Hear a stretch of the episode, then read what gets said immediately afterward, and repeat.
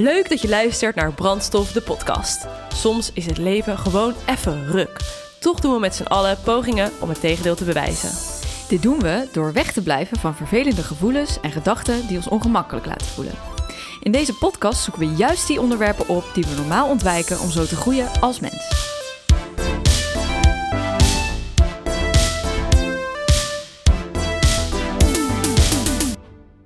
Hallo allemaal en welkom bij weer een nieuwe aflevering van Brandstof. Vandaag uh, zijn Romy en ik aangekomen in Enschede um, bij Tim Post. Uh, Tim, dankjewel uh, dat wij hier mogen zijn. Superleuk. Ja. um, ja, we gaan, het, uh, we gaan het vandaag hebben over een heel interessant onderwerp. Um, daar gaat Romy nu eventjes wat meer over vertellen. Ja, want in je slaap, dat spannende sollicitatiegesprek rokken, een hoog opgelopen ruzie rustig uitpraten of verslavingen overwinnen. Marco, normaal zijn we with you, maar in dit geval zijn dromen geen bedrog. Uit onderzoek blijkt namelijk dat we bewust onze dromen kunnen sturen, waar we, eenmaal wakker, nog steeds de kracht uit kunnen putten. Nachtmerries worden bron van inspiratie en faaldromen worden succesbelevingen. Ontwaak met meer zelfinzicht, moed en energie. We reisden af naar het oosten van het land om hierover in gesprek te gaan met Tim Post. Ja, nou, Tim promoveerde aan de Universiteit Twente en geeft wereldwijd lezingen en workshops over de wetenschap en kracht van lucide dromen, waar we het vandaag over gaan hebben. Hij heeft zelf ontelbaar veel lucide dromen beleefd en deze actief ingezet voor het stimuleren van zijn eigen persoonlijke groei. Zo, nou, Tim, dat vinden wij echt waanzinnig interessant. Dus we zijn heel benieuwd. Uh, we hebben uitgekeken naar deze aflevering, want het is een onderwerp waar wij zelf vrij weinig over weten. Um, dus laten we even starten met een hele belangrijke eerste vraag. Hoe heb jij vannacht geslapen? heel goed. En ik kon ook wat langer slapen. En dat is belangrijk, want hoe langer we slapen, hoe meer we dromen. Hoe meer remslaapdromen we hebben. Dus dat zijn onze meest indringende, meest levendige dromen. Ja, en dat geeft mij natuurlijk allerlei brandstof ja. creativiteit en persoonlijke ontplooiing. Dus ik, heb, uh, ja, ik, ik kan het niet laten om te vliegen in mijn dromen. Dus ik heb heerlijk rondgevlogen. En me ook gewoon weer gefascineerd over hoe levensecht onze dromen s'nachts zijn. Uh, als we het er ook over kunnen hebben vandaag, dat zou ik ook heel fijn vinden. Want niemand realiseert zich gewoon hoe, hoe bijzonder en indringend die dromen elke nacht zijn. Of we ze nou herinneren of niet. Dus vanochtend... Uh, was ik weer vol verwonderd in Dromenland. En dan werd ik daarna wakker om hier naar het vliegveld te reizen en met jullie lekker te praten. Dus, Zo leuk. Oh, superleuk. Echt leuk. Ja. Nou ja, dan komt een tweede belangrijke vraag. En dan gaan we daarna zeker in op wat je net zegt. Um, hoe word je nou lucide droom-expert? Ja, dat, ja, allereerst natuurlijk door heel veel zelf te lucide dromen. En um, lucide dromen is niet iets wat je kunstmatig af moet dwingen met een techniekje of met een pilletje of met iets anders geks. Um, lucide dromen komen natuurlijk voor in de slaap. Uh, onderzoek laat zien dat uh, nou, bijna iedereen natuurlijkerwijs minimaal één lucide droom per maand heeft. Um, heel veel kinderen hebben lucide dromen. Ik had ze vroeger ook. Uh, zonder dat ik wist dat dat een lucide droom heette natuurlijk. Het is een droom waarin je dus weet tijdens het dromen dat je aan het dromen bent, zonder dat je wakker wordt. Om even de definitie vast te geven. Uh, dus heel veel mensen hebben dat. Maar niemand realiseert zich dat als je eenmaal dat droombewustzijn hebt, tijdens de slaap, zonder dat je wakker wordt, midden in dromenland, dat je denkt, hé, hey, verrek, dit is een droom. Dat je dan met dat droombewustzijn de touwtjes in handen kan nemen, want je weet, ja, dit is mijn fantasie. Alles wat ik bedenk en wat ik voel en verwacht, dat is hoe de droom zich gaat ontvouwen. Um, nou ja, en met, dat, uh, met die kennis op een gegeven moment um, ging ik, ja, ging ik aan de haal, ging ik heel veel lezen, uh, heel veel wetenschappelijke artikelen, onderzoek. Ik wilde alle technieken weten. Ik ging met heel veel andere lucide dromers praten. En uh, nou, binnen een paar jaar toen uh, vloog ik boven de wolken in Dromenland. Mm. dacht ik, goh, hier zouden anderen toch ook wel van moeten profiteren. En ik studeerde toen aan de, aan, aan de Universiteit Twente. Dus ik dacht, laat ik eens wat psychologiestudenten optrommelen, want die zullen dit vast wel interessant vinden. Nou, ik had een klein zaaltje gereserveerd en die zat stampvol. Mensen stonden, moesten, konden gewoon de zaal niet in. Ook medewerkers. Iedereen wat, wat is dat lucide dromen nou? En toen dacht ik, hmm, dit is wel interessant. En toen start ik dus een bedrijfje. En zo begon het uh, te rollen. Wat grappig zeg. Ja. En in dat bedrijf, ben je daar nu nog echt uh, operationeel in werkzaam? Doe je daar dingen mee? Ja, maar wel op een laag pitje. Uh, dus ik, uh, ik ben zelf een onderwijspsycholoog, gepromoveerd ook aan de universiteit. Ik ben met allerlei basisschoolleerlingen bezig om ze met techniek en wetenschap bezig te laten gaan. Dus het is niet mijn primaire werk. Um, dus het, eigenlijk, eigenlijk is het lucide droom een soort uit uit de hand gelopen hobby, Ja. zou je kunnen zeggen. En nu door corona ja, ligt alles eigenlijk plat. Eh, maar ik merk wel, sinds ik mijn boek heb uitgebracht, De Droommeester, en er eh, heel veel aandacht ook komt, eh, voorkomt in de media en ik steeds meer wordt gevraagd, dat er wel een soort van thermiek aan het ontstaan is. Nee. ik denk, goh, moet ik daar toch niet iets wat mee? Dus nou, mochten luisteraars het heel interessant vinden, ga naar lucidedromen.nl. Word enthousiast en dat stimuleert mij ook om eens te kijken of we iets moois kunnen doen. Ja. Leuk. Superleuk. Maar want even nog terug naar toen je wat jonger was. Want wanneer was dan het moment dat jij je realiseerde dat, dat je aan het lucide dromen was? Dat vind ik wel interessant. Dat weet ik nog zo goed. Ja? Eh, ja, dat, was, dat, dat, vergeet, dat vergeet ik in ieder geval nooit meer. Ehm, ik was zeven jaar oud en ehm, ik droomde in die tijd dat ik gevangen werd gehouden in een heel kleine ijzeren kooi. In een grenzeloze witte ruimte. Waar geen bergen waren, geen gebouwen, geen, geen andere mensen destijds. Alleen maar een kooi, daar zat ik in. Nou, voor een kleine jongen, Tim, doodeng. En de heks van Sneeuwwitje, die enge, de oude variant. Ja, ja, ja, weet je wel, die zwarte met die appel. Die liep daar zo om die kooi heen en die had me daar dus gevangen genomen. Nou, ik vond het doodeng. En ehm, ik werd wakker midden in die nacht eh, van die nachtmerrie. En, en ik was aan het huilen. Ik dacht, jeetje, wat was dit eng. Dus ik ren naar mijn moeder toe. ehm, die natuurlijk lekker in bed ligt te slapen midden in de nacht. Ik zeg, ik had zo'n enge droom. En de heks van Sneeuwwitje. En mijn moeder zegt, rustig maar Tim. Het is maar een droom. Dus ga maar weer lekker slapen. Komt allemaal goed. Er is geen heks. Komt allemaal goed, jongen. Ga maar lekker slapen. Dus met die kennis ging ik weer naar mijn bedje toe. En ik ging liggen en ik ging slapen. Maar zoals bij heel veel mensen, als ze heel even wakker worden s'nachts, hervatte de droom zich meteen weer. Ik viel direct weer in remslaap. Met mijn hoofd nog helemaal vers bij die droom, eh, die nachtmerrie die ik net had. En prompt bevind ik me weer in die kooi met die heks in die onmeetbare ruimte. Maar dit keer hoorde ik mijn moeder nog zeggen van tien minuten geleden: Tim, dit is maar een droom. En ik denk, verrek, daar zit ik weer. En toen dacht ik, huh, maar ik word hier niet wakker van. En ik zit nu in die kooi en ik weet dat dit eigenlijk helemaal niet echt is. Nou, en als kleine jonge Tim had ik natuurlijk geen idee dat je met dat droombewustzijn de touwtjes in handen kan nemen. Dat je iets moois kan maken van die nachtmerrie. Nou, bla bla. Dus het enige wat ik dacht was, ik moet zo snel mogelijk wakker worden. Dus ik begon keihard te schreeuwen in die kooi, in die nachtmerrie. Mam, als je me kunt horen, maak me wakker, want ik zit in die nachtmerrie. Nou, dus het was nog steeds heel erg eng. Ehm, maar ik zag het als een uitvlucht in plaats van als een kans, die lucide droom. Ehm, dus nou ja, ik weet niet wat daarna gebeurde. Waarschijnlijk werd ik wakker of de droom vervloog. En sindsdien heb ik eigenlijk nou, niet meer echt lucide dromen gehad. Totdat ik wat ouder was en in één keer via een klasgenoot ontdekte... dat dat lucide dromen heette en dat je daar iets heel bijzonders mee kan doen. Toen dacht ik, hé, hey, hmm. toen begon het eh, avontuur voor mij persoonlijk. Leuk zeg. Wauw. Ja. Dat is bijzonder. Want waarom dromen we eigenlijk überhaupt? Och jongens, dat is zo'n goede vraag. En zo'n fundamentele waar nog zoveel onderzoekers mee bezig zijn. Eh, we weten inmiddels wel veel meer. Eh, er zijn allerlei verschillende theorieën. En de, theorie die nu het meeste eh, draagvlak heeft, is eigenlijk gebaseerd op de evolutietheorie. Het idee eigenlijk dat onze remslaapdromen, je zou bijna kunnen zeggen ook onze dagdromen trouwens, ehm, bedoeld zijn om ons mentaal voor te bereiden op morgen. Whatever morgen will bring. Ehm, dus in onze dromen stimuleren onze hersenen ons eigenlijk eh, met allerlei problemen, mogelijke scen- probleemscenario's die we mogelijkerwijs de volgende dag zouden kunnen meemaken, zodat we die volgende dag beter in staat zijn om daar goed op te handelen. En daar zie je ook allerlei fysiologische eh, kenmerken van in, in remslaap. Bijvoorbeeld dat in al onze remslaapdromen ons angstcentrum of ons probleemcentrum in onze hersenen buitengewoon actief is. Dus als je kijkt naar eh, de meeste droomervaringen die we hebben tijdens de slaap, zijn die altijd enigszins probleemgeoriënteerd. Of anders gezegd, ik ben nog geen enkel droomverslag tegengekomen, laat staan een onderzoek waarin mensen zich verveelden in hun dromen. Hmm. Dat je gewoon op een bankje zit en denkt, goh, wat zal ik eens doen met mijn tijd? Dat gebeurt nooit Nee. in dromen. En dat is heel kenmerkend. Er is altijd wat op te lossen.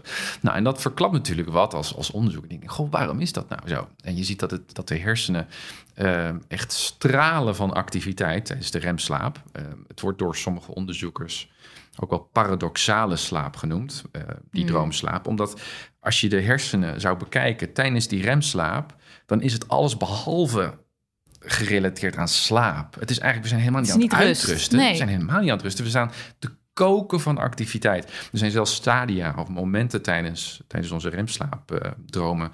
waarin onze hersenen actiever zijn dan wanneer we wakker zijn overdag. Wow. Nou, want wat ik, eh, daar wil ik wel op inhaken. Want als ik naar mezelf kijk, ik onthoud heel veel dromen. Echt tot in detail. En ik heb soms wel eens dat ik wakker word. En dat ik echt vermoeid wakker word. Dat ik denk, "Pff, ik heb al een hele dag op zitten. En ik, ik, ik, ik moet nu aan mijn dag gaan starten. Ehm, maar ik word dus ook heel vaak wakker wel. Omdat ik heel licht slaap. Dus dat heeft er misschien ook mee te maken. Maar ik onthoud heel veel. En dan denk ik echt, jezus, ik, ik heb allemaal avonturen beleefd. En, en dan ben ik gewoon best wel moe al. Ja, klopt. Maar dat Ja. is niet zozeer in het herinneren. Dat, dat is meer een soort emotionele vermoeidheid. Ja, En ehm, dus het, het dromen aan zich, ook het lucide dromen aan zich, maakt je niet vermoeider dan wanneer je je dromen niet zou eh, herinneren. Hmm. Ehm, maar wat de kans is ook, eh, als je het hebt over al wat voordelen van lucide dromen, is als je op een gegeven moment nou droombewust wordt van je dromen, midden in zo'n stressvolle eindexamen, nare ruziedroom of zo, hè, of een nachtmerrie, en je buigt die droom om naar iets emotioneel heel positiefs, dan word je met datzelfde gewicht word je ook wakker. Ja. Dus kan je je voorstellen als je dan een fantastisch avontuur hebt gehad, waarin, jij, waarin je hebt gesleuteld aan jezelf, zeg maar, mentaal, hoe je dan die energie meeneemt in het opstaan en dan je dag begint. Nou, Ja. en, dat is een aantrekkingskracht voor heel veel mensen om te zeggen: Goh, ik wil wel af van die stressvolle dromen. Nou, ze zullen altijd stressvol blijven, want het angstcentrum is altijd actief. Maar dat geeft je eigenlijk een, een soort van podium om met die angst dingen te doen waar je Ja. heel veel van kunt leren. Ja, ja, ja, ja. Ja, want ho- hoe is dat voor jou, Annemijn? Hoe Herken jij dit? Dat, dat het angst of probleem gestuurd is? Nou ja, ik zat daar inderdaad nu net over na te denken, want ik onthoud mijn dromen dus niet echt. En daarom vind ik het ook echt heel interessant om zo over eh, dat trainen te gaan, eh, te gaan praten. Maar ehm, ja, ik droom wel veel, daar ben ik me wel van bewust. Dus als ik wakker word, heb ik wel, voel ik wel van, oh, ik heb net heel veel dromen gehad. Maar dan ga ik over op de orde van de dag. En als ik dan onder de douche sta bijvoorbeeld, dan probeer ik te herinneren wat ik heb gedroomd. En dan ben ik het allemaal vergeten op een of andere manier. Echt super raar. Ehm, en ik heb ook wel eens, dan word ik wakker en dan denk ik, oh, dit was echt zo'n bizarre droom. En dan probeer ik het na te vertellen aan, aan mijn vriend. En dan kan ik niet eens meer uitleggen wat het nou precies was, omdat het dan opeens weg appt. Dat is zo gek. Hoe kan dat eigenlijk? Ja, het is, het is heel bijzonder. En het is ook weer een, een soort van ehm, doosje. En als we dat open doen, dan kunnen we hier een hele dag over praten. Ja, Eh, dus waarom vergeten we onze dromen? Hè? Dat is een hele interessante vraag. Waarom blijven die niet gewoon in onze geest hangen? Nou, en, nou, allerlei theorieën zijn er weer voor. En nou, de, de meest gangbare theorie tot nu toe is dat eh, onze dromen, zeker voor nou, eh, onze eerdere fase van mensen zijn, waarin we nog niet zo'n zwaar ontwikkelde cortex hadden en nog niet zo metacognitief waren en zo slim, ehm, dat als we wakker zouden worden en we zouden onze dromen wel herinneren, en we zouden die dromen niet kunnen onderscheiden van de werkelijkheid, dat we dan een heel raar leven gaan leiden. Hmm. Hè? Misschien ook wel de reden, we weten het niet zeker, waarom katten of honden waarschijnlijk ook niet hun dromen herinneren. We weten het niet, maar waarschijnlijk niet. Omdat stel dat zij hebben gedroomd dat er ehm, in de tuin eh, naast eh, eh, de, het gebiedje waar zij leven, ehm, nou, een hele mooie muis is of zo, hè, die, ze kunnen, die ze kunnen gaan opeten. En ze worden wakker en ze denken dat het echt zo is. Dus ze kunnen hun dromen niet onderscheiden van de werkelijkheid. En die kat die springt over het hek heen in de tuin ernaast. En in één keer staat er een grote hond en dan worden ze opgevroten. Dus ehm, waarschijnlijk heeft evolutie ervoor gezorgd dat we onze dromen eh, niet herinneren, zodat we onze dromen niet Ja, verwarren met de werkelijkheid dat, dat, je gekke als, dingen gaan doen. ja, dat je als kind denkt, oh, ik kan vliegen. En dan ga je van je, van je huis afspringen. Exact, Ja, exact. oh, dat ja. zou lomp zijn. En wat er nu aan het gebeuren is, en mogelijk is dat een evolutionair ontwikkeling, eh, evolutionaire ontwikkeling, we weten het niet, het is een theorie, dat onze cortex is enorm aan het doorgroeien. En inmiddels kunnen wij heel goed het verschil zien tussen dromen en werkelijkheid, ook als we wakker worden. Ehm, dus dat bewustzijn, dat, dat kruipt een beetje in droombeland, zou je kunnen zeggen. En zelfs tot het niveau waarin je tijdens het dromen kan weten dat je aan het dromen bent. En dat zijn dus lucide dromen. Dus eh, het is eigenlijk nog een restant, een soort beperking van vroeger. Maar met wat technieken kun je daar, eh, kun je daar eh, heel erg behendig in worden. En is er totaal geen gevaar of risico dat je de realiteit uit het oog verliest of zo. eh. Ik dacht altijd dat je misschien s'nachts uh, de dag aan het verwerken was. Want ik merk bijvoorbeeld wel dat ik meer droom op het moment dat ik meer meemaak in mijn leven. Want um, nou ja, bijvoorbeeld de afgelopen paar weken, um, ik ben mijn opa is overleden en de opa van mijn vriend ook. Nou, dat deed emotioneel best wel wat met ons nog steeds. En dan merk ik dus op dat soort dagen dat ik dus heel veel emoties van andere mensen voel en van mezelf. Dat ik dus s'nachts best wel heel intens droom, maar alsnog vergeet. Maar ik ben me er dus wel van bewust dat ik nou ja, misschien droom je altijd evenveel. Dat weet ik eigenlijk niet, ik nu te denken. Jij knikt al ja. ja. Alleen dan, of ik slaap dan lichter of zo, of hoe werkt dat dan? het, is een heel, het is heel complex. Allereerst ja. gecondoleerd natuurlijk. Hè. Het is ja, heel onprettig ja. Um, en akelig. En dat zet je ook aan het denken. Uh, en het is zeker zo dat een deel van onze dromen um, worden gevoed door wat we dagelijks meemaken. Maar het is maar een stukje. Als je echt dromen veelvuldig gaat herinneren, dan zie je eigenlijk heel weinig terug van wat je overdag hebt gedaan. En als het, als het elementen zijn, dan zijn het hele algemene, generieke thema's. Bijvoorbeeld um, het thema werk, of het thema familie, of het thema beste mhm. vriendin, of podcast. Of, hè. Um, wat we vooral zien is dat die dromen ons uitdagen. Dus je ziet vooral fysiologisch dat het een, dromen zijn altijd heel erg visueel. Ze zijn emotioneel. En als ze emotioneel zijn, vaak ja, negatief probleemgestuurd. Ja. Nou, en dan vervolgens gaat je kop gewoon aan de haal met alles wat nog in je, in je werkgeheugen zweeft. Dus als dat is opa of als dat is podcast.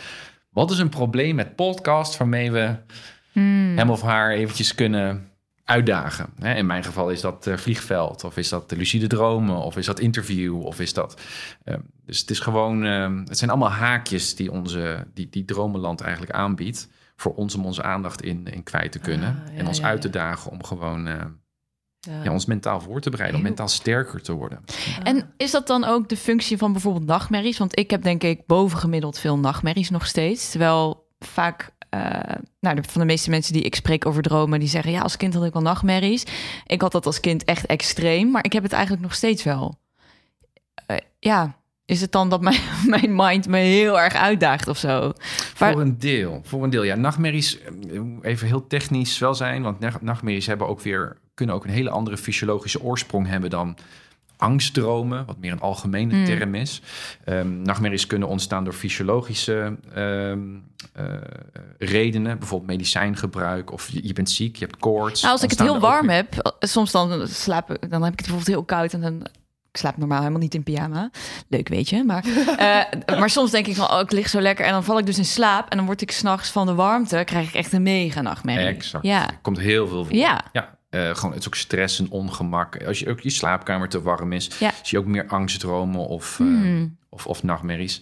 Um, sommige mensen die kunnen ook traumatische nachtmerries hebben. Hè. Dus je kan ook, het kan ook een psychologische oorzaak zijn, die nachtmerries. Ja. Denk aan uh, nou soldaten die in de oorlog uh, allerlei nare dingen hebben beleefd. Die nog steeds die chronische mm. nachtmerries hebben. Nou, en dan zit je echt op een klinisch terrein waar, waar je met lucide dromen toch wel echt een, een arts nodig hebt. Uh, laat staan allerlei andere interventies om daar vanaf te komen. Dus er zijn allerlei gradaties van wat een nachtmerrie is. Ik denk dat de meeste mensen eerder angstdromen hebben of probleemdromen, zorgdromen. En nachtmerries, dat zijn, die, hebben wel een wat extremere vorm. Mm. Maar ik, ik hoor, ik krijg heel veel mailtjes van mensen, ook oud-cursisten, die in die nachtmerries dus ook droombewust zijn geworden. En vervolgens met die angst zijn gaan werken om te kijken, kan ik daar sterker van worden? En dat, dat biedt wel heel veel kansen. Ja. Echt, uh, ja, dat zijn denk ik ook wel mijn, mijn mooiste lucide dromen die ik heb gehad. Dat zijn niet de dromen waarin ik als Dagobert Duck in een grote kluis met goud aan het zwemmen ben of zo. Die zijn altijd heel snel, uh, nee, nou god, dat was leuk. Maar waar je echt de angst in de ogen hebt gekeken en een soort, ja, waar je wijzer van bent geworden. Uh, en waar je van wakker wordt en denkt van, ik heb gewoon een nieuw stukje van mezelf leren kennen of zo. En dat neem ik nu mee in de wakende wereld om met meer zelfvertrouwen ja. persoon in de ogen te kijken. Of weet, weet ik het. Ja, ja, ja. En daar, daar zit de, de crux, denk ik. Wow. Want ik ben nu eigenlijk wel benieuwd. Um, nou, ik denk de stap 1 is dat, dat je, je dus je, Nou, dat weet ik eigenlijk niet, maar dat je je bewust moet worden van je dromen. Uh, tenminste, als in. Oh, helpt het dan ook dat je moet je dus eerst, als je wakker wordt, je dan bewust zijn? Dat is stap 1. Ja, nou, ik zou misschien ook nog wel een stap 0. Oh. Is dat voordat je gaat slapen, hm. al de intentie zet om je dromen te gaan herinneren dat, dat bekrachtigt het herinnerproces heel goed. Dus een van de allereerste dingen die ik ook in Droommeester in het boek beschrijf en in allemaal cursussen, is schaf een droomdagboek aan. Dat is echt superleuk. Dus je, gewoon een schriftje, maar dat hoeft helemaal niet fancy te zijn. Of een iPhone, of weet ik het. Je, pakt iets. En voordat je gaat slapen op je nachtkastje... Uh, leg je je pen en je droomdagboek neer. En je, en je zegt hardop, met een echte stevige intentie... ik ga vannacht tenminste één droom herinneren. Dus dan heb je die goal setting is heel erg belangrijk. Dat doelbewustzijn. Nou, vervolgens ga je gewoon lekker slapen. Daar vergeet je van alles van. Want eh, je verliest gewoon je bewustzijn. En bla bla bla bla bla. Vervolgens gaat de wekker 's ochtends. En dan is het allereerste wat je moet doen. Is je afvragen, wat heb ik gedroomd? Dat klinkt vanzelfsprekend, maar de meeste mensen worden wakker en denken... Rotwekker. oh, wat is het koud. Of ik moet zo meteen de douche in. Of oh, vandaag heb ik dat sollicitatiegesprek. Of nou, en dan introduceer je allerlei andere gedachtes die natuurlijk concurreren met die, eh, met die droomherinnering. En ja, en die winnen het vaak. En dan, dan, verva- dan vervaagt de droomherinnering. Maar als je je aandacht weet te houden bij die allereerste vraag: wat heb ik, eh, wat heb ik gedroomd vannacht? Eh, en met wat oefening herinner je zo vijf, zes, zeven dromen. En dat is op zichzelf al zo gaaf om te zien van... wat spook ik eigenlijk uit in dromenland elke nacht? En wat beïnvloedt mijn gedrag als ik dus uit bed stap dan? Hè? Dus dat emotionele gewicht, waar komt dat vandaan dan? Ja, want dat merk ik wel, ja. Al- Als ik een bepaalde droom heb gehad, dat dat wel, eh, nou zeker de start van mijn dag en soms de hele dag, soms blijft iets zo bij me dat ik daar die avond nog steeds mee naar bed ga. Dat ik echt denk, wow, Ja. dit is echt intens. Ja, en zo kan het droomdagboek dus ook een soort van ehm, bondgenoot zijn Ja. of zo. Of een soort van gereedschap om ook dat wat meer mentaal te verwerken en uit te pluizen. Wat ik, wat ik ook heel graag doe, is het niet alleen maar opschrijven. Eh, alleen want het schrijven is heel therapeutisch, is fijn om te doen. Eh, maar om er ook tekeningen bij te maken, bijvoorbeeld. Hè? Om, het gewoon, om die indruk achter te laten en, en het te begrijpen en het te duiden. Ehm, en dan hebben we nog niet eens over lucide dromen. Hè? Gewoon puur het Ja. bijhouden van dromen. En Dat, dat is inderdaad stap 1. eerst bewust worden van wat spook ik er überhaupt uit? Hè? Kan ik die droomreizen herinneren weer? En dat is, dat is stapje 1. Ja. Oké, en dan? En dan? nou, ehm, dan doe je dat zeg maar voor, ehm, nou, laten we zeggen, twee of drie weken. Met, het, met wel een beetje ehm, het criterium dat je tenminste één, nou, dan liever toch wel meer dromen per dag gaat herinneren. Ehm, dus het is een soort droomspier. Nou, een vraag die dan vaak, vaak opkomt bij veel mensen is... ja, maar ik droom nooit. Of ik, ik, ik kan dat niet, hè, dat dromen herinneren. Nou, nogmaals, het is een spier. Eh, je kunt dat trainen. Eh, alle mensen die ik heb getraind, die kunnen dat uiteindelijk. En die zijn ook soms begonnen met... nou, ik heb een- kan alleen maar dromen herinneren van toen ik klein was. Ehm, nou, dat start dus met dat droomdagboek. eh, die intentie zetten, 's als de wekker gaat. Direct je afvragen, wat heb ik gedroomd? Ehm, maar vervolgens ga je die dromen dus ook opschrijven in je droomdagboek. En dat doe je ongeveer twee à drie weken met het idee dat je elke dag ongeveer een droom herinnert. Dus uiteindelijk heb je dan iets van 21, 25 dromen opgeschreven. Nou, wat je dan gaat doen, is je gaat je dromen analyseren. Want waar je naar op zoek bent, zijn eigenlijk terugkerende patronen in je dromen. Ehm, dat, wordt, ook wel, dat worden ook wel droomsignalen genoemd. Dus hele kenmerkende plaatsen, personen, emoties. Het maakt niet uit wat het is. Wat jouw dromen nou echt kenmerkt. En misschien ook wel wat jouw dromen jouw dromen maken, niet mijn dromen. Dus je gaat echt kijken van wat, wat zijn nou terugkerende onderliggende thema's. Nou, en als je weet waar je vaak over droomt, ik zeg even wat, je buurman, je droomt vaak over je buurman, dan is dat een soort van haakje waar je je eigen droombewustzijn op kunt gaan triggeren. Als je snapt wat ik bedoel. Want als dat iets heel kenmerkends is, dan kan je erop gaan letten. Hè? Ehm, en dat is stapje drie vervolgens. Hè? Dus stapje één is goed herinneren. Stapje twee zou je kunnen zeggen is het analyseren van die dromen. Wat, wat zijn nou die terugkerende droomsignalen? En dan is stapje drie voorbereid gaan slapen. Dus dan gaan, gaat lekker slapen s'avonds. En dan zeg je, nou, de eerstvolgende keer vannacht... als ik mijn buurman in mijn bewustzijn zie... vraag ik mij af, goh, is dit misschien een droom? Nou, en dan heb je die intentie gezet en dan zul je zien met wat oefening dat je uiteindelijk dus door dromenland reist. En op een gegeven moment zie je je buurman in welke vorm dan ook, op welke plek dan ook. Denk je, hey, buurman, hey, zou dit misschien een droom zijn? En dan is het in één keer overduidelijk dat het een droom is. En dan sta je midden in dromenland zonder dat je wakker wordt en realiseer je, man, Dat lijkt me echt bizar. ik sta in een wereld. Nou ja, en, en nu ga ik het zeggen ook. Dat is dus niet een soort van filmpje of stripje, hè, dat Dromenland. Het is dus niet een soort van iets, een soort verhaaltje wat voor je zweeft. Het is zo echt zoals wij nu hier aan tafel zitten. Je hebt een lichaam dat je kan bewegen. Je kan dingen aanraken. Je voelt Je ook- kan textuur voelen, kou. Je kan een pizza eten. Het is, je kan dingen horen. Chill, zonder Het de is- calorieën. ja. Oh, daar heb ik heel veel verhalen over. Het is ongelooflijk. En ik weet nog toen ik lucide dromen ontdekte... Dat, dat dat het eerste was wat ik deed. En ik had, ik had natuurlijk wel al heel veel gelezen. Ik dacht, nou, als ik die lucide droom heb... dan ben ik een koning. Of dan ga ik vliegen. of ik ben een ridder. Of nou, verzin het. Maar dat was helemaal niet wat ik uiteindelijk deed. Ik heb mijn eerste 20, 30... Maar je kan dus ook vliegen. Ja, tuurlijk. Maar de eerste paar dromen ehm, alleen maar besteed. Ja, het, het klinkt heel engig en vaag, maar ik, ik kan je verzekeren, je gaat het zelf denk ik ook doen, is dingen gevoeld. Ja. Dus dan werd, was ik gewoon, werd ik dus droombewust. Nou, dan zit je dus hier, bijvoorbeeld zoals wij hier nu zitten, en denk ik, nou, dit, kan, dit is gewoon echt. Het ziet er sensorisch zo. Ik kan me niet voorstellen dat ik nu eigenlijk met mijn ogen dicht in bed lig te slapen. Maar ik weet dat het een droom is, omdat je hele bizarre dingen ziet. Je ziet eh, gekke schilderijen aan de wand die vervormen. Je ziet in één keer Mickey Mouse buiten lopen. Je ziet bizarre Een droomdingen. soort trip. Dus het is heel bizar, maar het ziet er levensecht uit. Nou, en op dat, nou, op dat moment ben ik gewoon dingen gaan voelen van... Ongelooflijk, hè? Dit is gemaakt van droomstof of zo. En het voelt zo echt, maar het is maar fantasie. Nou, totdat je na een paar minuten dus wakker wordt. En denk, potverdimme, je bent een soort van ja, ontdekkingsreiziger. Een soort, soort psychologische archeoloog of zo. Hè? Het is alsof je in een andere wereld Je gewoon... creëert je eh, eigen creëert. wereld. Ja. Ja. En dit hebben we elke nacht, zelfs als we onze dromen niet herinneren. Heel cool. Nou, en, en dat was natuurlijk een enorme motivatie van... Nou, als ik dit zo fascinerend vind... hoeveel andere mensen zouden dit fascinerend vinden? En dat eh Ja, Ik vind dus dit ook. echt zo bizar, gewoon dat, dat, is, dat dit kan. Nou, want wat ik me wel herinner, soms eh, gebeurt er iets bijvoorbeeld in mijn droom. Daar ben ik niet per se van bewust hoor, maar dan weet ik wel dat ik. eh, dus ik ben niet droombewust, maar dan herinner ik het wel. Dan heb ik Mhm. bijvoorbeeld, maak ik iets mee dat echt pijn doet. En dan word ik wakker en dan voel ik nog die pijn. Mhm. Een laatste Mhm. fantoompijn, een soort van zo'n laatste vleug van. Oh, ik had echt pijn. Dus dat, is, dat vind ik ook wel. Dat is zo echt. Ja. Ja. En mijn vader, dat is trouwens ook een grappig verhaal.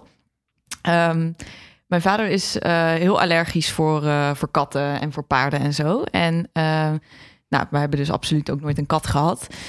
En er was een tijdje dat hij dus dat het nog veel erger was. En toen had hij gedroomd over een kat. En toen werd hij dus wakker, helemaal benauwd. En toen moest hij dus puffen, terwijl er in de kamer. er was helemaal geen kat of zo. Maar hij had gedroomd over een kat en hij werd soort van zo wakker.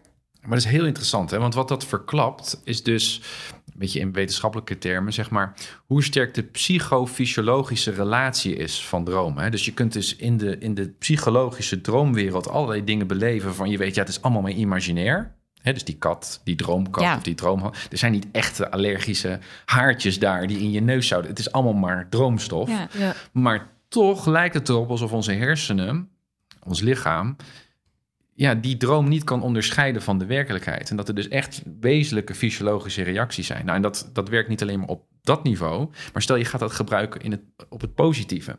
Hè, dus een, eh, een ruzie die je ombuigt tot iets positiefs in, in de droom. Die heeft dan dus hetzelfde fysiologische effect. Hè, of een romantische droom. Of, eh, of, of, Of een droom topsporter. of topsporten. Nou, in Duitsland zijn ze daar bijvoorbeeld mee bezig. Van, nou kunnen we topatleten, die 100 meter sprint of whatever, al 100 keer met heel veel succes in hun lucide dromen kunnen laten repeteren, zodat ze de volgende dag wakker worden met veel meer zelfvertrouwen. Nou, dan wordt er al heel veel gedaan in sport met visualisatie Mhm. overdag. Maar het grote voordeel van die lucide dromen is, is dat die dromen zo indringend levensecht zijn, dat als je daar een positieve visualisatie zou doen, midden in die slaap, het is bijna een soort meditatie, hè, s'nachts, Ehm, dat daar die positieve verbeelding veel meer wordt verankerd en dus veel meer effect heeft de volgende dag. Nou, daar wordt, wordt nog heel veel onderzoek naar gedaan, maar alleen al dat dat soort onderzoek wordt gedaan, dan moet je indenken wat voor mogelijke potentie daar ligt. Ja. En, en iedereen heeft dit, hè? je hoeft dit niet te kopen, je hoeft dit niet, je hoeft het alleen te leren, maar dit hebben we allemaal in ons kopje gebakken. Het is gewoon evolutionair ontwikkeld. En, en als, nou, zoals ik jou ook zie verbazen over, nou, dit, kan dit echt? Ik denk, ja, dit zou gewoon op school bijna eh, onderwezen Ja, moeten worden. Hè? Van, dit is gewoon een soort van... eh, Ja, want eigenlijk Ja. ligt het dus gewoon voor het oprapen, maar we doen er nog niet echt iets mee. Dus, nou, dat is ook de reden voor mijn boek. En eh, nou, Ja. ik, ik weet nog, toen ik twintig jaar geleden begon, dat, nou, ik- altijd begin ik ehm, mijn workshops of mijn lezingen met de vraag van wie heeft ooit eens gehoord van lucide droom als een soort van stiekem onderzoek. En eh, nou, destijds, toen denk ik 15 jaar terug, drie handen op de 50 man die dan in de zaal zaten. Nou, nu is bijna iedereen die het al heeft gehoord. Dus er is een enorme ontwikkeling gaande, ook door films trouwens en eh, heel veel media die de aandacht aan besteden. Podcast nu. Dus dat is hartstikke goed, maar nog steeds eh, denk ik, god, dit zou iedereen wel moeten weten. Ja. Beetje Inception achter. Een Ja. dream in a dream. Ja. Exact. Nou, Ja. toen eerst Inception uitkwam, als je kijkt naar Google, naar het aantal zoektermen of zoekacties, Ja. naar lucide dromen. Nou, dat was eh Ja. eh, 10.000 keer eh, stijging. Eh, Ja. Dat was echt enorm groot. Alleen Inception heeft natuurlijk heel veel fictie in zich. Ja. En Ja. vervolgens krijg ik allerlei mensen op de stoep met vragen van... eh, zijn er niveaus in dromen en kun je de tijd stil laten? Nee. Maar ehm, het, het schept wel een interesse en een nieuwsgierigheid... die je vervolgens ja, voor sommigen heel betekenisvol kan maken. Van, goh jongens, het is psychologisch gereedschap, die droom. Ja. En hoe kan het een aanvulling zijn op al bestaande klinische interventies? En het is hartstikke interessant, super waardevol. Dus daarom wordt er ook veel onderzoek naar gedaan. Ja, ja, ja. Ja. Dus eigenlijk is het een hele mooie tool om ehm, bewuster te worden, om, om aan jezelf te werken en om nou, bepaalde patronen te doorbreken, bepaalde trauma's in de ogen aan te kijken. ja, in dus een hele veilige omgeving. Juist, en een hele indringende, levensechte omgeving. Ja. en, en zoals ik het ook in mijn boek beschrijf, ehm, kun je heel veel van de technieken eh, die, die je toepast om die lucide dromen te krijgen en ze te benutten, ook toepassen op dagdromen. Eh, sterker nog, alles wat je kan toepassen in de dagdromen overdag is hele goede training om s'nachts lucide dromen te krijgen. En dan, dan raak je ook heel veel ehm, trainingen en meditatieoefeningen die bijvoorbeeld in het Tibetaans boeddhisme worden genoemd, waarin men ook die relatie heel goed ziet. Hè? Dus daar zeggen ze, als je lucide bent overdag, ben je ook lucide s'nachts. Ja. Dus zo werkt het. Dus hoe, hoe leef je dus een meer lucide leven Bewuster overdag? leven. Een bewuster leven, Ja. waarin je ook bewust bent van welke gedachten laat ik nou toe in mijn hoofd. Want net zoals die gedachten de droom voeden. En Ja. stel in het, nou, ik het zo meteen nog over hebben. Als je een droom hebt en je, je denkt heel angstig in dromenland, dan wordt de droom vaak ook eng. Hè, als Ja. je heel positief denkt in dromenland, dan wordt de droom ook positief. Hè. Dat is een hele duidelijke relatie. Maar die geldt voor een bepaald gedeelte ook overdag. Nou, en als je daar dus meer bewust over bent, dat je denkt, jeetje, ik, dan gebeuren er dus bepaalde dingen die naar zijn. En dan ga je ook je dromen herinneren, overdag, je dagdromen herinneren. Denk je, maar wacht eens even Tim, tien minuten geleden dacht jij naar over dit. En kijk eens wat er gebeurt. Ja, nou, Nou, want eh, vanuit de neurowetenschappen is dus dat 95% van de gedachten die we nu hebben, dachten we gisteren ook. Dus je neemt, eh, op een gegeven moment wordt het een soort self-fulfilling prophecy en denk je meer van hetzelfde. En dat is natuurlijk ook waar we, laatst hadden we een aflevering over manifesteren. Dus over, let, ja, dat is eigenlijk gewoon letterlijk je, je leven bewust vormgeven. Dat gaat daar ook over. Dus ja, ga je op 95% automatisch piloot gewoon je leven leiden? Of ga je, wat jij net ook al zei, in lucide dromen, pak je die touwtjes en ga je het vormgeven? De laatste alinea van mijn boek. Precies, Nou. precies, precies, precies. En, Ja. en trouwens, en en wel met de bijsluiter natuurlijk, dat er dat ook dat, dat onderbewuste, hè, eh, het, het, het, eh, het, het, het- bijna het intuïtieve leven leiden, waarin je niet bewust zijn, heeft ook een hele belangrijke plek. Hè? Dus als we continu lucide zouden zijn van alles, Ja. ben je doodop elke Ja. dag. Dus Ja. er is een hele belangrijke plek voor die routines en, en die patronen. Maar als het negatieve patronen zijn waar je meer last van hebt dan voordeel, ja, dan heb je bewustzijn nodig om die weer even om te buigen. Hè? Dus je zou kunnen zeggen, het lucide zijn, het lucide dromen of het lucide leven, is een manier om nieuwe routines aan te maken, zodat je, er, zodat je ze één keer bewust positief kan neerzetten en laat ze daarna maar lekker inslijten. Ja, Ja. ja, ja, dat je het daarna loslaat. Ja. Ja. Want wat betekent lucide eigenlijk? Lucide betekent helder. Dus echt, dus je zou kunnen zeggen, lucide dromen is helder van geest zijn. Wat trouwens wel leuk is, is dat Frederik van Ede, Nederlandse psychiater, eh, psychiater in 1913 volgens mij in mijn hoofd, die heeft de naam bedacht. Dus het is een oorspronkelijk Nederlandse term, die nu overal op de wereld in al het onderzoek wordt gebruikt. Oh, Lucid dreaming. Wat vet. Ja. Dus daar mogen we trots op zijn. Nederlandse legacy. Ja, ja, ja. Maar want zitten er dan ook gevaren aan lucide dromen? Eh, kan. Eh, het lucide dromen zelf, daar is helemaal niks mee aan de hand. Dus de, de fysiologie van de lucide droom is heel natuurlijk. Heel veel mensen hebben natuurlijkerwijs lucide dromen. Ehm, dus over het algemeen zijn er helemaal geen nadelen of risico's. Je krijgt ook geen realiteitsstoornissen of nou, noem het hele hutje op. Maar er is wel een psychologische verantwoordelijkheid die ligt bij de lucide dromer. Dus de lucide droom zelf is niet zozeer gevaarlijk of schadelijk. Op geen enkele manier, voor zover we al decennia weten. Ehm, en nog waarschijnlijk is er helemaal geen gevaar. Maar je zou je wel kunnen voorstellen dat als je schadelijke intenties hebt met dat lucide dromen, dat je er wel eens, dat je jezelf, dat je jezelf een beetje kan beschadigen. Dus bijvoorbeeld, stel je zou zeggen: Ik ga in mijn lucide dromen, zodra ik droombewust word, ga ik niet hele positieve, gezonde mentale dingen doen. Maar ik ga eh, iedereen uitmoorden Ja. in mijn dromenland. Heftig. Nou, op dezelfde Ja. manier dat je natuurlijk positieve gewoontes zou kunnen inslijten of positieve zelfbeelden, kan je natuurlijk ook negatieve zelfbeelden Ja. inslijten. Dat, dat, dat moet natuurlijk samen opgaan. Ja, dus stel je, je irriteert je enorm aan je buurman, maar je hebt, je hebt in, het, in het echte leven weet je, nou, dat moet ik niet doen. En je gaat dat dan meenemen in je droom en je denkt, nou, ik ga vanavond eens even lekker die frustratie eruit. Dat is niet... Precies, precies. Dus um, ik zou niet zeggen het lucide dromen is risicovol of schadelijk. Ik zou zeggen, nou, er zit een psychologische verantwoordelijkheid bij de dromer. En, en dat is ook de reden waarom ik vind dat, dat uh, cursussen en workshops en begeleiding, coaching super belangrijk is. Zeker ook, uh, ik zeg het ook in een boek, uh, mensen die dus momenteel in psychologische behandeling zijn. Eh, voor, welk, voor, welk, voor wat dan ook. Um, niet zomaar met het lucide dromen aan de haal moeten gaan. Dat ze mogelijk misschien zelfvervulling verkeerde dingen gaan doen. In die Ga je dat nog meer uitdiepen? Ja, die ontkrachten wat ze nou juist in die behandeling hebben gedaan. Dus, maar voor de algemene mensen is, er, is dat helemaal niet van de orde. Uh, ja, aan de orde.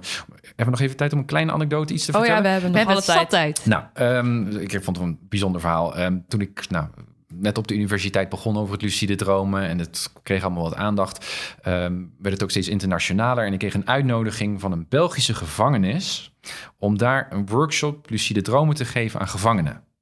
Oh. Nou, die kregen allerlei workshops daar om een beetje ja. sane te blijven, want ze zitten alleen maar in mhm. kleine kamertjes. Dus ze hebben er allerlei soorten schilderworkshops. Maar toen dacht deze man, die dacht, nou, zou dus niet iets met lucide dromen kunnen? Nou, wat is het eerste wat in mij opkwam? Ik denk, ja, het is hartstikke mooi, maar wat gaan gaan die gevangenen dan mogelijk met die lucide dromen doen? Als zij gaan dromen dat ze in lijn met waarom ze daar zitten, waarschijnlijk mensen gaan vermoorden of crimineel gaan zijn, dan bekrachtigen juist iets wat juist net niet de bedoeling is van in een gevangenis zitten. Dus um, ik ging naar België toe om te zeggen: Nou, weet je, ik wil eerst een check doen. Ik wil eerst eens zien wat de droomwensen zijn van die mensen die in die, gevangen, in die gevangenis zitten. Um, dus nou, ik, ik, was, ik ben nog nooit in een gevangenis geweest. Uh, dus ik ging in België naar zo'n gevangenis toe. Helemaal afgereisd. Uh, mega groot complex. Door douanes, alles moest. Uh, grote deuren, metalen deuren. Door allemaal kamertjes heen, langs tralies. Allemaal gedoe. Tot ik uiteindelijk in een kamertje terecht kwam met allemaal bewakers. En daar stond een tafel met, nou, met zeven grote kerels, echt met littekens en tattoos. Echt stereotyper kon bijna niet. En daar mocht ik een workshop Lucide Droom geven. Uh, zelfs een, uh, hele serie, een heel programma.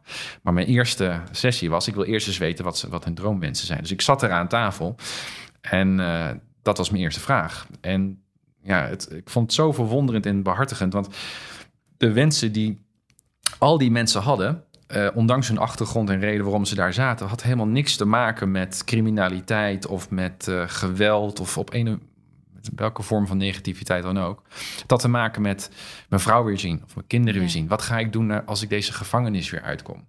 En ik zei, god, zijn die nou zulke goede, openhartige uh, of liegende uh, gevangenen? Of uh, wat is de reden waarom je dit soort droommensen hebt? En zij zeiden, het heeft toch totaal geen zin om in mijn dromen geweld... Wat, ik, ja, oké, okay, ik kan een bank beroven in mijn dromen. En dan, dan word ik wakker. Ik heb, ik heb geen cent natuurlijk. Het is gewoon fantasie. Um, en wat mij heel snel duidelijk werd, en dat heeft zich herhaald en ook in allerlei andere workshops... is dat mensen bijvoorbeeld al heel goed weten, het is maar fantasie. Hè? Dus de, de, de, gezonde, normale persoon snapt heel goed, het is maar een droom. Maar je kan die droom wel gebruiken om een mentaal te sterken of iets te leren of om wijzer te worden. Maar het heeft niet echt een substantie waarin ik, nou ja, waar ik iets echts uit kan halen, anders dan iets psychologisch. Um, nou ja, en, en, en dat geldt eigenlijk voor, voor de gemiddelde lucide droombeoefenaar. Maar voor de mensen die dus een beetje een psychologische tik hebben... Hmm. of die met wat zitten, waardoor ze in behandeling zijn... Ja, die kunnen dat verschil, die verantwoordelijkheid misschien niet helemaal op zich dragen. En daarvan zeg ik ook, nee, dan, moet, daar moet, dan moet je echt met je arts uh, in gesprek... om te kijken of lucide droom handig voor ja. is. Nou, ook wel goed dat je die check doet. Ja, dat is want, want heel veel mensen, verantwoordelijkheid. Ja, want heel veel mensen zullen misschien ook denken... ah joh, het is maar een droom. Terwijl het dus onbewust heel erg veel doet. Tuurlijk, ja. tuurlijk, tuurlijk. Nou, en, en ook hè, oh, met de goede intenties dat je een droom ingaat... of je hebt een nachtmerrie of een angstdroom... Hè, al ben je gewoon een gezond uh, persoon... kunnen soms hele mooie, maar ook indringende uh, uh, ja, belevingen terugkomen... Mm. die helemaal oké zijn voor de gemiddelde persoon... maar waarvan je denkt, van, daar zou ik wel wat coaching bij willen hebben. Of daar wil ik wel eventjes goed mee sparren. Ja. Nou, en dat maakt maakt uh, droomworkshops workshops die ik ook gaf, uh, in ieder geval uh, voor corona, zo leuk. Omdat je dan met anderen ook hoort van... Nou, wat beleeft iedereen nou in zijn of haar eigen droomwereld? En ieder, ieder dromenland is anders. Hè? En uh, is ook enorm, wordt ook gekenmerkt door de geschiedenis van die persoon. En dus het is heel complex. Want jij biedt ook begeleiding uh, is dat dan ook één op één? Uh, of ook voor corona? Ook, ja, ja. één op één en in groepen. Uh, vaak zijn groepen het leukst, omdat we, er zijn heel veel gedeelde thema's. Het is ook heel goed om van elkaar te zien van, goh, heb jij ook zulke angststromen? Ja. ja, ik ook. Oh, wat lekker, weet je wel. En, ja, die herkenning. Ja, en ja. worden ook hele Want hechte vriendschappen. Daar um, ben ik ook nog wel benieuwd naar. Um, ik heb, omdat ik dus zoveel droom, heb ik ooit een uh, droomboek gekregen, een droomwoordenboek of zo. Uh, en daar, daar staan dan bepaalde archetypes in ook. De, de collective consciousness, dat, dat bepaalde thema's komen altijd wel weer terug. Hoe zit dat uh, in lucide dromen of dromen überhaupt? Weet jij daar iets van? Ja, natuurlijk. Jungiaanse ja. ja, frameworks zijn dat ja. heel interessant. Um, dus het is een soort veronderstelling dat ondanks onze dromen eigenlijk allemaal heel persoonlijk zijn. En dus eigenlijk allemaal verschillend. Dat er misschien toch wel wat universele gemeenschappelijkheden in onze dromen zitten. Die iets verklappen over ja, wie we zijn als mens. Hè, Dus bijvoorbeeld um, een persoon in je dromen die een soort vadertype is. Hè? We hebben allemaal een soort vader of een moedertype. Hè, eh, een, een, soort van persoon die eigenlijk in die droom een soort relatie met ons aangaat of een soort interactie waarvan je denkt, hé, hey, dit is eigenlijk, we zitten eigenlijk in een soort van vader-zoon. Nou, dan kun je, dan kun je allerlei wijsheid uitputten. Uh, ja, nou, dat is heel uh, interessant. Ja, dat je bijvoorbeeld je tanden uit je mond vallen of dat je het gevoel hebt dat je valt. Eh, of wat ik vroeger heel vaak droomde, dat ik naakt naar school ging. Dat hebben ook zoveel. Dat, dat zijn ook heel veel mensen die dat hebben, toch? Klopt, ja, maar dat, dat, dat zou ik wel echt heel scherp weer onderscheiden, afscheiden van dat Jungiaanse. En daar, kunnen, daar kunnen we het ja? ook over hebben. Ja, want het een is meer Ehm, archetype. Dus je hebt, dus eh, over het algemeen kan je zeggen, zou je je dromen dus kunnen duiden? Zou je je lucide dromen ook kunnen duiden? Nou, en daar heb je zo allerlei- inderdaad allemaal droomwoordenboeken voor. Maar er is een diepgaande manier van analyseren volgens Jung, zoals met die archetypes bijvoorbeeld, die gewoon heel menselijk, nou, heel erg onderbouwd zijn, vind ik. Uh, maar je hebt ook de wat meer vlakkige duiding, zoals, nou, ik droomde over duiven. En als ik nu opblader in mijn droomwoordenboek naar bladzijde 422 duiven, oh, dan betekent dat dat ik momenteel verkeer in een periode van mijn leven waarin vrijheid en je vleugels spreiden en belang. Nou, nou dat geloof ik dan weer niet. Um, uh, nou, en als je het hebt over tanden uitvallen of, uh, nou, of wakker schrikken bijvoorbeeld. Nou, als je wakker schrikken is ook heel interessant. Dus het idee dat je vaak bij het begin van de slaap, dat je in één keer echt het voelt alsof je van de stoep valt. Stoep, of, ja. of, of, of, van een gebouw of zo. Dat je en in één keer echt, nou ja, zeker je bedpartner die denkt, jeetje, wat, wat is er aan de hand, Ja. weet je wel? um, nou, en wat daar gebeurt, um, is dat als we in slaap vallen, daar komt trouwens ook Vallen? de, de werkwoord vandaan. Hè? Dus in slaap vallen komt daardoor. Oh ja. Um, dat is een kenmerk van dat gevoel. Dat hebben we trouwens niet altijd hoor, dat we zo schokken. Maar als het gebeurt. Uh, wat er gebeurt is eigenlijk dat je zo vlakkig in slaap valt. Um, dat je enigszins bewust meemaakt dat je zenuwstelsel zich eigenlijk, nou, ik chargeer het een beetje, zich afsluit. He, dus als we in slaap vallen, dan, dan verliezen we onze, ja, voor een deel onze externe zintuigen, want we vallen in slaap.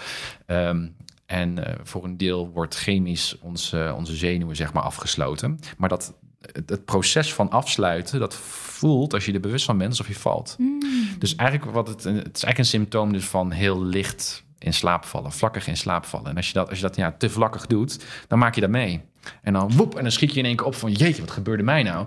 Terwijl, terwijl eigenlijk vallen we elke nacht in slaap. Maar ook grappig dat daar dus dan vaak ook een, een tegelijkertijd... een soort van visueel iets... dat je van een stoep afdondert of van een fiets. Of, nou ja, Check. Nou, maar wat er gebeurt, dus de volgorde is dan dus... niet dat je eerst droomt dat je valt... en dan Nee. heb je de schok. Dus het is niet de Nee. droom die hem beïnvloedt. Nee, Het is de fysiologische uh, gevoel van dat die zenuwen, zeg maar... dat zenuwstelsel gaat slapen, zeg maar. En dat schept een gevoel van vallen. En dan denkt je brein, oh, fantasie, uh, je valt. Dat is een beetje hetzelfde als een... Um, een uh, hoe noem je dat? Dat je, een, een, iets dat, dat je denkt dat, iets, dat je iets al hebt meegemaakt.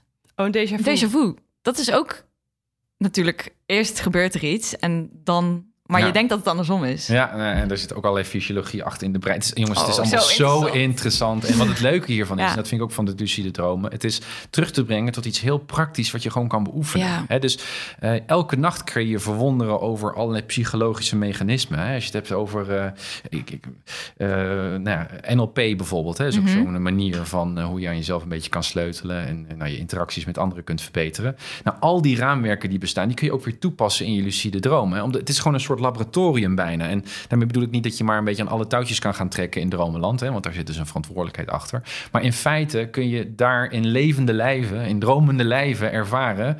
Je loopt gewoon door je eigen psyche heen. Ja. Dus het is, het is, het is zo'n schatkist aan zelfkennis of zelfinzicht die je kan opdoen. Ehm, nou, dat, dat, Ja. dat gun ik echt, gun ik Ja. echt iedereen. Dus het is aan de ene kant echt zelfinzicht ehm, en zelfkennis. En aan de andere kant daar dus ook iets mee doen. Zodat je jezelf kan programmeren eh, zodat het je meer helpt. Dus die twee kanten zitten eraan. Exactly. Nou, dat klinkt toch super praktisch. Ja, Ja. Daarom zeg ik ook, Ja. het is een soort gereedschap eigenlijk. Een soort mentaal gereedschap wat elke, elke nacht eh, klaar voor ons ligt. Maar als je ziet hoe weinig, eh, hoe onwetend eigenlijk, hè, met alle goede bedoelingen mensen zijn van, van het lucide dromen.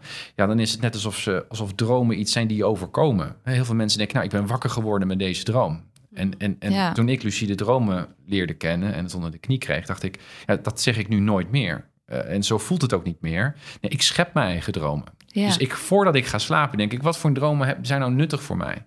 Of wat, of wat wil ik leren? Of wat wil ik... En soms ook helemaal niet. Denk ik, nou, eh, ik val lekker in slaap en Ja. het zal. Ja. Maar eh, hè, dus het, het, het is niet meer... Je bent niet meer een soort van...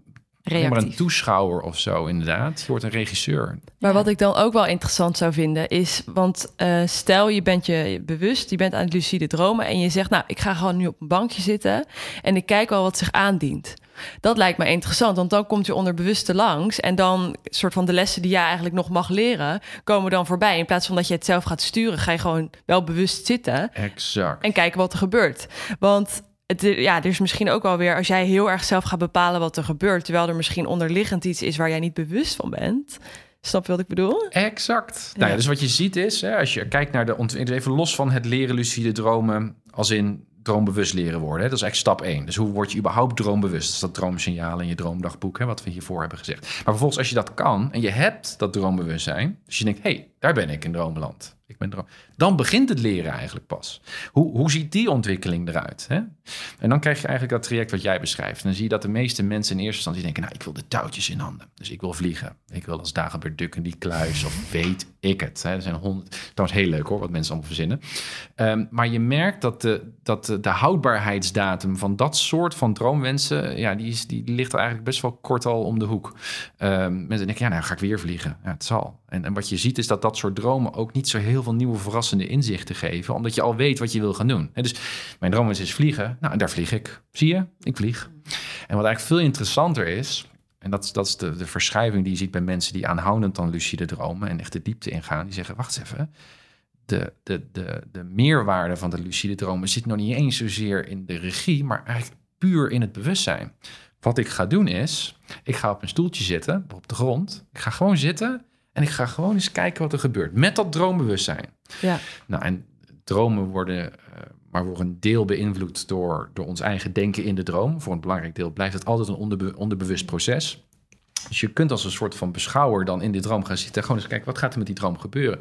Nou, dat heb ik in de laatste jaren bijna alleen maar gedaan. Dan, dan vloog ik, omdat ik vliegen heel leuk vind. En toen landde ik op een, eh, op een, een dak boven een stad en ging ik gewoon zitten. Ging ik gewoon zitten kijken. En vervolgens zie je die stad veranderen in allerlei soorten landschappen. En in één keer lopen er mensen gaan naast je zitten. Die gaan een gesprek met je aan. Die gaan weer weg. Eh, in één keer veranderen de wolken in grote dieren of walvissen die boven je vliegen. En je laat het gewoon gebeuren. En er komen verwonderlijke soms ook hele wijze inzichtelijke dingen naar boven die jij nooit van tevoren Nee. met een droomwens. Nou, en wat je dan dus meer aan het doen bent, is meer ontdekken. Meer, je bent meer een archeoloog die graaft om te kijken wat zit er in die droom. Dan dat je zegt, ik heb een script en dat ga ik Dat dan Ja, maar, dus maar dat is natuurlijk ook hetzelfde in, in het wakende leven. Kijk, je kan, je kan bepaalde dingen willen eh, regisseren, maar tegelijkertijd zit denk ik het, e- het echte goud in het, het leven. Hè, hebben we niet allemaal onder controle, maar we hebben wel controle. Hoe gaan we daarmee om? En dat is dan de essentie. Precies. Dus wat je ook kan zeggen, als je, tenminste zo zeg ik het vaak, is ehm, mensen associëren lucide dromen heel veel met droomcontrole. Hè? Want je, dan kan je je dromen sturen. Dat is voor een deel waar. Maar uiteindelijk, als je het echt beoefent en als je ziet waar de echte parel ligt, Hmm. hè, de, de meerwaarde, dan is het niet droomcontrole, het is zelfcontrole. Ja. En wat je bij uitstek in de lucide droom ziet, is dat je de droom controleert door jezelf te controleren. Ja. Want die droom en de dromer zijn, zijn, zijn eigenlijk hetzelfde. Ja. Hè? Er is niet een verschil. Ja, Ja, het dus is een ik- projectie. ja. het is allemaal projectie. En dat, er is niks concreters wat ik tot nu toe in al het onderzoek of, of in gereedschappen heb gezien, dan de lucide droom als een context waarin je dat bij, aan- levende lijven op directe wijze ziet. Als ik denk, ik in die droom, hoe zit hier misschien een monster achter de deur? Dan zit Dan- hij er. Ja.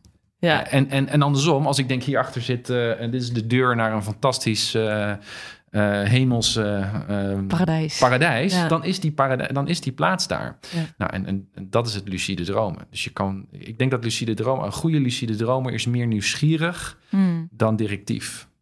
En dan is dat gelijk ook wat je kan toepassen in het dagelijks Check. leven. Precies. Want alles is een spiegel.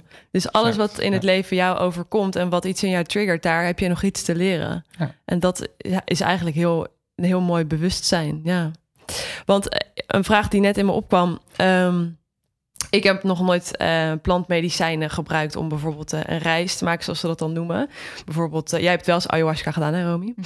Ehm, want is dat dan eigenlijk ook wat er gebeurt? Dat je dan gaat lucide dromen op het moment dat je zo'n middel neemt?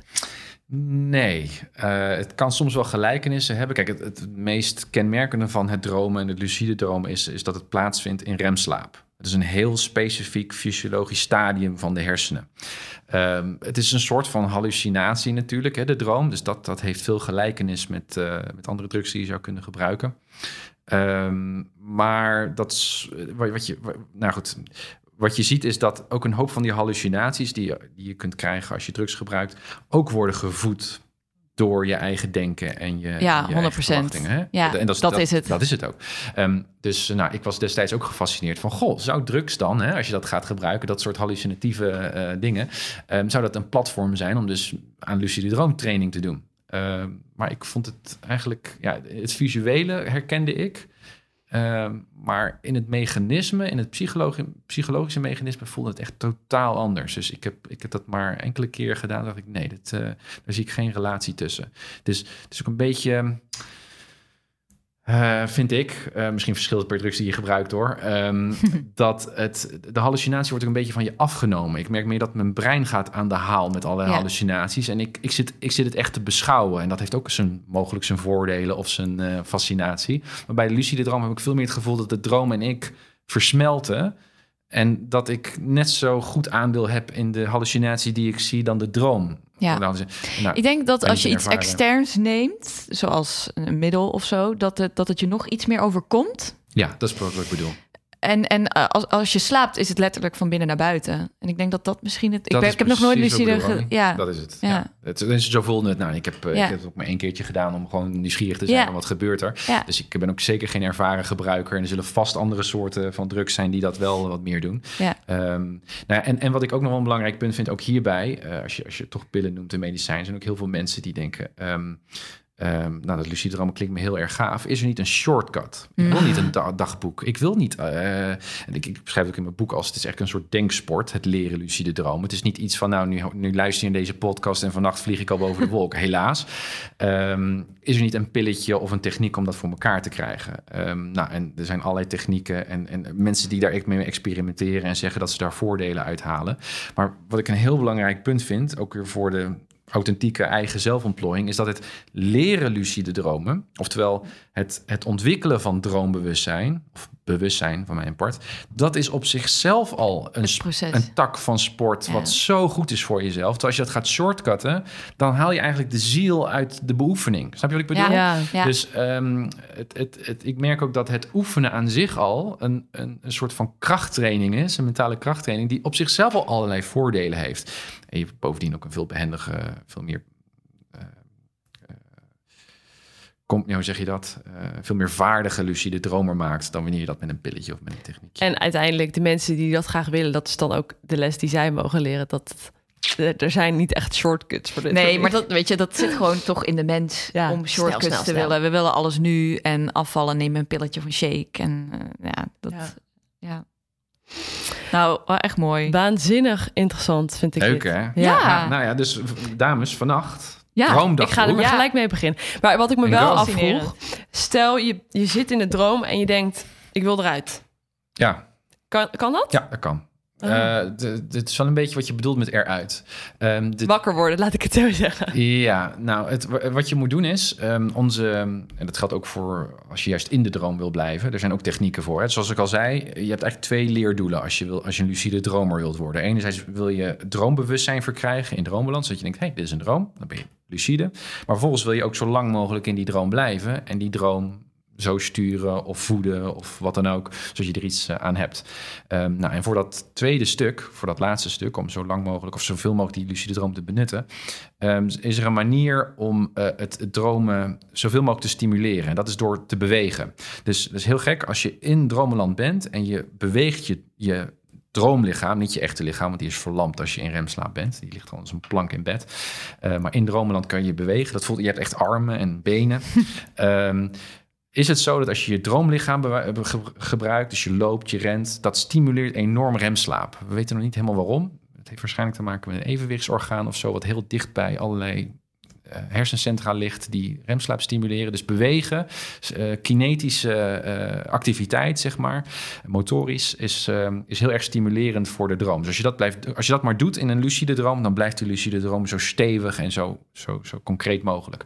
Dat betekent dus, dat als je wil stoppen met dromen, dan moet je precies het tegenovergestelde doen. dat betekent helemaal niet bewegen. Sterker nog, zelfs je droomogen sluiten. Sterker nog, eigenlijk wil je gewoon gaan slapen in dromenland. en dat is eigenlijk de manier. Dus je ontsluit jezelf van alle prikkels die je in dromenland krijgt. Dus je gaat gewoon op, op, op, nou, stel, we zouden nu in een droom zijn en ik zou zeggen, nou, ik ben klaar met deze podcast. Dan uh, ga ik hier liggen op de vloer en dan doe ik mijn ogen dicht. Nou, en wat er dan gebeurt is, je, eh, de kans, er is een kans dat je wakker wordt, maar de grootste kans is dat de droom vervliegt in een andere droom. Dus de droomsetting verandert. Remslaap blijft gewoon aangaan, want dat wordt gewoon gevoed door allerlei andere fysiologische processen. Dus je bent in ieder geval ontsnapt uit de droom. Vaak als mensen dat doen, denken ze, nou, er is een kans dat ik wakker word als ik dit ga doen. En dan volgens dromen ze dat ze wakker worden. Het worden false awakenings, worden dat genoemd. Dus dan droom je dat je dus in bed wakker wordt. denk je, oh, ik ben wakker. maar eigenlijk droom je nog steeds. Dus ah. um, er zijn ook allerlei trucjes voor om, nou dat beschrijf ik ook allemaal in het boek, van hoe je, daar, uh, hoe je daarmee om kan gaan. Uh, maar dat is het eigenlijk. Nou, en dat kan soms best lastig zijn, want als je dus een nachtmerrie hebt of je wordt achter, achterna gezeten door een seriemoordenaar en je bent droombewust en je bent nog niet moedig genoeg of creatief genoeg of geïnspireerd genoeg om die angst in de ogen te kijken en je zegt ik moet dit vluchten, dan moet je dus niet roepen naar je moeder zoals ik dat deed eh, in mijn uh, kindernachtmerrie. Maar dan moet je dus eigenlijk zeggen ik ga nu liggen, ik doe mijn ogen dicht en ik rustig ontspannen en geen aandacht meer schenken aan de droom. Maar ja, ik, ik vind dat je jezelf dan ontsluit van een hele mooie kans van zelfontplooiing. Want je moet die, dat monster natuurlijk, die angst wil je natuurlijk gewoon. Ja, ja, ja, ja oh, fascinerend. Ja, echt fascinerend vind ik het. Ik ga, ik ga echt proberen ik om ook. dit... Uh, ja, Nee. Doen. Nou, ja. laat we laten het je wel weten. Zeker, zeker. Tuurlijk. Ja, ik ben ook benieuwd als mensen nu luisteren wie het nog meer gaat doen. Dus laat ons zeker even weten. Ja. Als je het gaat oefenen. Um, als je er hulp bij nodig hebt. Uh, we gaan in de linkjes in de show notes. Zetten we een link naar sowieso je boek. Je website waar mensen jou kunnen vinden. Uh, nog ergens anders waar mensen jou kunnen vinden? Nee, het is mijn website inderdaad voor een mailinglist. Maar goed, die, die, daar gebeurt nu niet zoveel, omdat corona gewoon ervoor zorgt dat we niet in groepen samen kunnen maar schrijf je alvast in, want als het dan weer kan, dan... Juist, ja. juist. Ja, en op YouTube vind je ook allerlei uh, lezingen en, uh, Leuk. en inhoud. Dus uh, er is altijd wel wat te vinden. En het boek natuurlijk. Ja, ja, ja, ja. ja het boek heb ik gelezen, aanrader, top. Dank je. Dus dat hartstikke leuk. Leuk. Nou, super bedankt ehm, voor je tijd en mooie inzichten. Ja, en voor onze luisteraars, um, wij zouden het heel tof vinden uh, als jullie een review zouden willen schrijven. Ja, over... bij Apple Podcast. Ja. ja. Ik geef een paar sterretjes, want dat, dat, dat, deden jullie in het begin allemaal hartstikke goed. En nu is dat weer een beetje gestagneerd. gestagneerd. Dus we een gentle reminder. Want daarmee help je andere mensen onze podcast ook beter te vinden, zodat we de brandstof kunnen verspreiden. Zeker. Um, en vond je dit nou een toffe aflevering of heb je nog vragen? Um, ja, deel het met ons of in een story. En um, tag ons dan eventjes, ja. want dan zien we het ook. En wat we ook nog even wilden zeggen, is dat we het echt super leuk vinden om te zien dat er wereldwijd geluisterd wordt. Want uh, niet alleen in Nederland, ja, ook België, maar we zagen ook in Sydney, in Dubai, in Colombia zelfs Londen. mensen luisteren. Londen inderdaad. Ja. Dus uh, ben jij dat? Laat het even weten, want dat vinden we echt super leuk om te weten wie er in het buitenland aan het luisteren zijn. En nog een kleine shout-out naar de laatste, laatste patch af dat we van iemand hebben gekregen oh, ja. uit Londen. Heel erg lief. Ja, superleuk. Dus uh, guys, thank you voor de support. En hopelijk vonden jullie het weer een leuke aflevering. En tot de volgende keer. Tot de volgende. Doei!